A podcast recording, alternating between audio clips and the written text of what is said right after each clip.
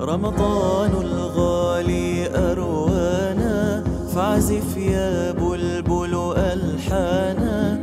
لحنا بالبهجة يغمرنا ويؤجج فينا النيرانا الحلقة الرابعة. الحمد لله والصلاة والسلام على رسول الله. السلام عليكم ورحمة الله وبركاته. أهلا وسهلا ومرحبا بكم في الحلقة الرابعة من برنامج ثلاثون في ثلاثين. نكمل الكلام اليوم في سورة البقرة مع قول الله تعالى في القرآن الكريم أعوذ بالله من الشيطان الرجيم. بسم الله الرحمن الرحيم الذين آتيناهم الكتاب يعرفونه كما يعرفون أبناءهم وإن فريقا منهم ليكتمون الحق وهم يعلمون. قبل أن يظهر الرسول عليه الصلاة والسلام كانت اليهود تعتقد أنه سيأتي نبي آخر الزمان. كانوا يمدحونه قبل أن يظهر فلما ظهر حسدوه. قالوا كيف يظهر نبي ليس في ذرية داود؟ رجلان من اليهود. قال أحدهما للآخر اذهب بنا إلى هذا النبي. فأتيا رسول الله صلى الله عليه وسلم فسألاه عن الآيات التسع فأجابهما عليه الصلاة والسلام فقال لا تشركوا بالله شيئا ولا تزنوا ولا تسرقوا ولا تمشوا ببريء إلى ذي سلطان ليقتله ولا تسحروا ولا تقذفوا محصنة ولا تقتلوا النفس التي حرم الله إلا بالحق. وعليكم معشر اليهود خاصة ألا تعدوا في السبت. فانبهرا فقالا نشهد أنك نبي فقبلا يدي رسول الله صلى الله عليه وسلم ورجليه ولم يسلما. سميت الآيات التسع لأن أمرها عظيم. فاليهود كانوا يعرفون أن نبينا محمدا صلى الله عليه وسلم هو نبي آخر الزمان. فقال لهما رسول الله صلى الله عليه وسلم ما يمنعكما أن تتبعاني أن تؤمنا بي؟ قالا إن داود دعا أن لا تزال النبوة في ذريته وإن اليهود إذا عرفوا أن نتبعناك قتلونا. تلك المسائل أي الآيات التسع هم يعرفون بل هم يجزمون بأنه لا يعرفها إلا علماؤهم الفطاحل. وسيدنا محمد صلى الله عليه وسلم معروف بالأمية لم يكن يكتب ولا يقرأ المكتوب واليهود أيضا يعرفون أن نبينا عليه الصلاة والسلام ما درس علوم وأخبار الأنبياء موسى وغيره فلما أجابهما بذلك أيقنا أنه النبي لكن لم يتبعاه. نعوذ بالله تعالى. وهنا فائدة. قال العلماء بأن الإنسان إذا اعتقد الحق حقا ثم أنكره ظاهرا كفر والعياذ بالله.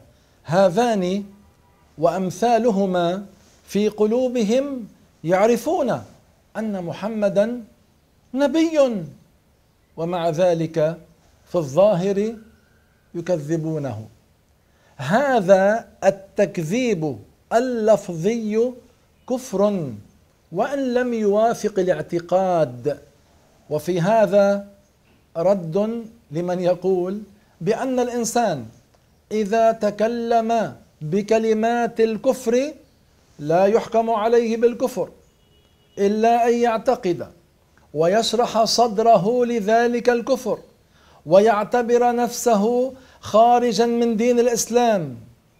على حسب قوله اليهود الذين كانوا يعتقدون جازمين بأن محمدا نبي كما أخبر الله تعالى في القرآن يعرفونه كما يعرفون أبناءهم على قوله هؤلاء ما كفروا لأن اعتقادهم أنه نبي ولو خالف لفظهم اعتقادهم من أين اشترط هذا؟ من أين اشترط أن يوافق اللفظ الاعتقاد. هذا القول يكون من قاله فتح للناس باب الكفر.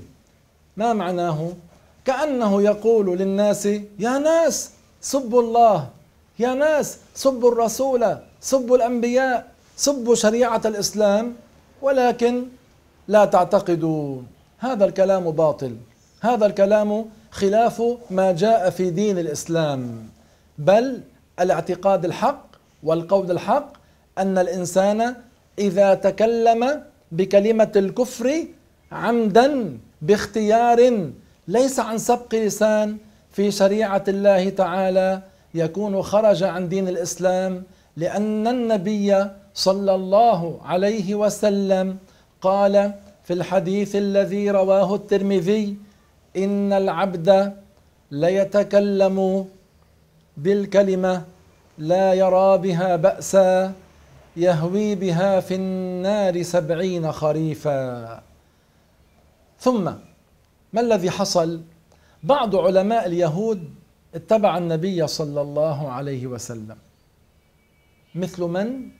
مثل عبد الله بن سلام. كان عبد الله بن سلام من اليهود الذين يسكنون المدينة. لما قدم رسول الله صلى الله عليه وسلم المدينة ذهب عبد الله بن سلام إلى رسول الله صلى الله عليه وسلم ليتأكد أنه هو النبي الذي بشر به موسى عليه وعلى نبينا الصلاة والسلام. فقال له أسألك ثلاث مسائل لا يعرف جوابها إلا نبي. ما هو أول طعام أهل الجنة في الجنة؟ وكيف بالولد ينزع إلى أبيه أو إلى أمه؟ وما هي أول اشراط الساعة؟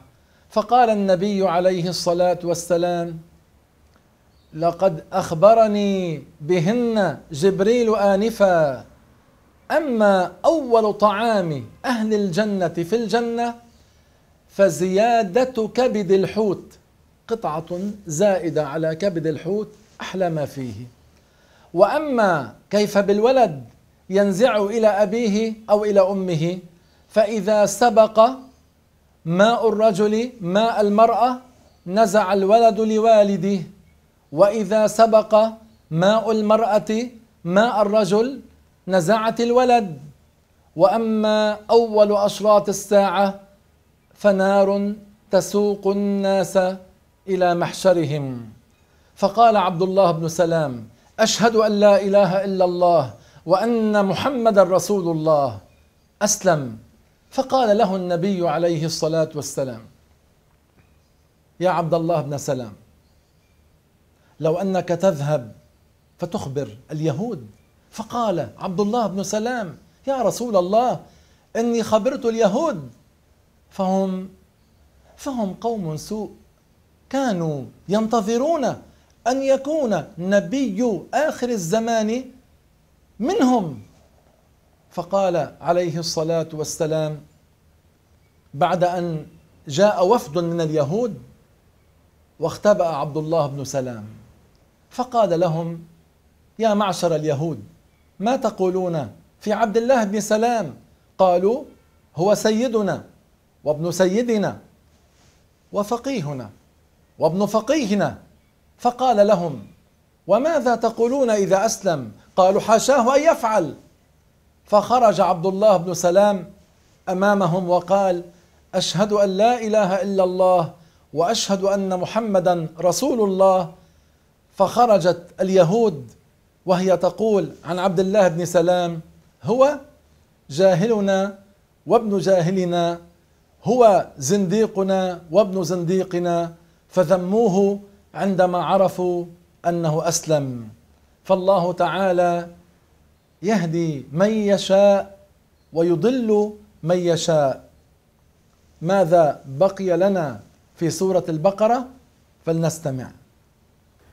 ولنبلونكم بشيء من الخوف والجوع من الخوف والجوع ونقص من الأموال والأنفس والثمرات.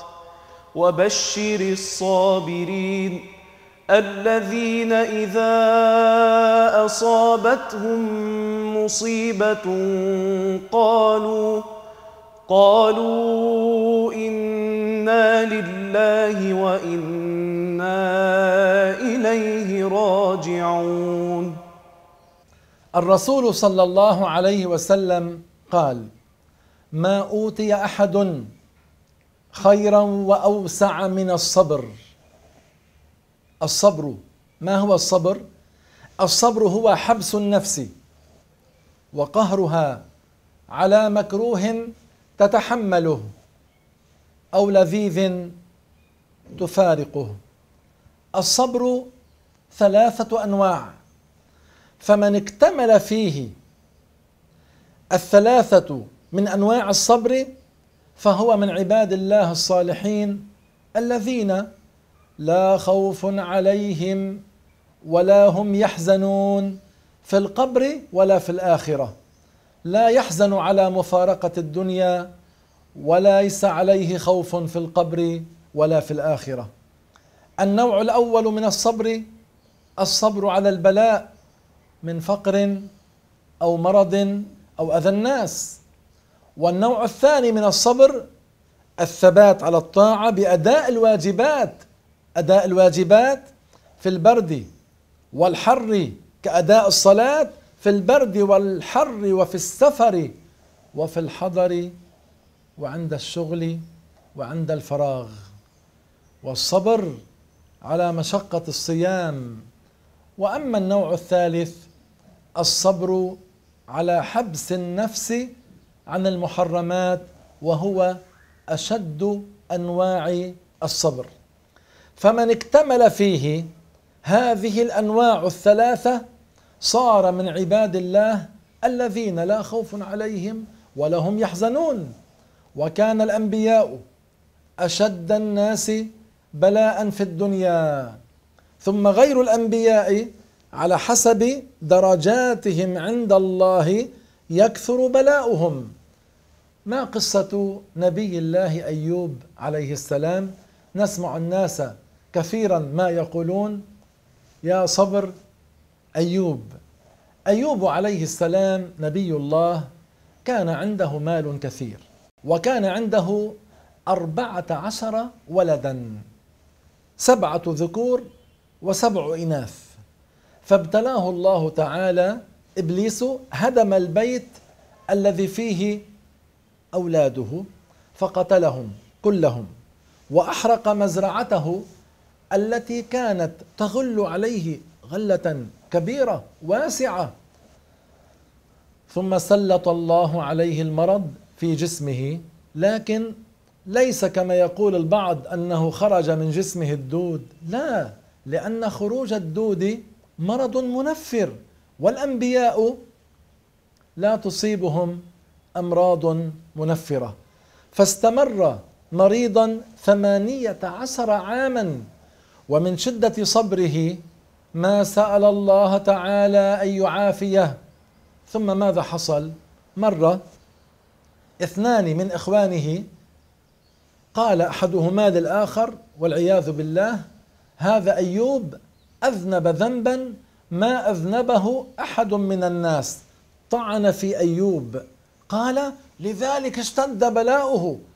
فانكسر خاطر نبي الله أيوب عندما سمع هذا الكلام. هنا دعا الله تعالى أن يعافيه. وكان الناس في ذاك الزمن ما عندهم بيوت خلاء. إنما كانوا يخرجون إلى مكان يخفى عن أعين الناس. تحت الأشجار يقضون حاجتهم. لما قام لقضاء الحاجة إلى مكان وأبطأ في الرجوع الله تبارك وتعالى أوحى إليه أن يضرب الأرض برجله فطلع الماء. خرج الماء فأيوب عليه السلام أوحى الله إليه أن يشرب من هذا الماء ويغتسل فعاد صحيحا مثل ما كان قبل ثمانية عشر عاما. ما به أثر المرض. امرأته رأت رجلا فظنته أنه غيره وهو هو أيوب. فقالت له هل رأيت نبي الله المبتلى؟ فقال أنا هو. فقالت له هو كان أشبه الناس بك حين كان صحيحا. فقال أنا هو. ثم كان له أبدران. كان له أبدران أبدر قمح وأبدر شعير. فأرسل الله له سحابتين سحابة تمطر على بيدر القمح ذهبا وسحابة تمطر على بيدر الشعير فضة. ثم ربنا عز وجل رزقه من الولد بعد أن مات كل أولاده رزقه من الولد مثل العدد الذي كان له. فالبسط في الراحه في راحة المعيشة ليس من الصفات العالية عند الله تبارك وتعالى. نسأل الله أن يرزقنا كمال الاقتداء بالأنبياء وبالأولياء. إنه على ما يشاء قدير وبعباده لطيف خبير. وإلى اللقاء في حلقة قادمة من برنامج ثلاثون في ثلاثين.